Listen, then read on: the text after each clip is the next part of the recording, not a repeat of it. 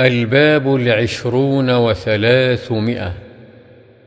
باب تحريم قوله شاه شاه للسلطان وغيره لأن معناه ملك الملوك ولا يوصف بذلك غير الله سبحانه وتعالى.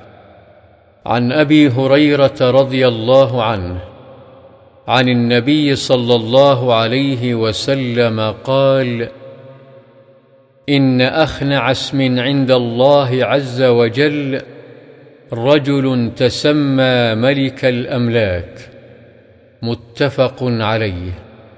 قال سفيان بن عيينة ملك الأملاك مثل شاه شاه.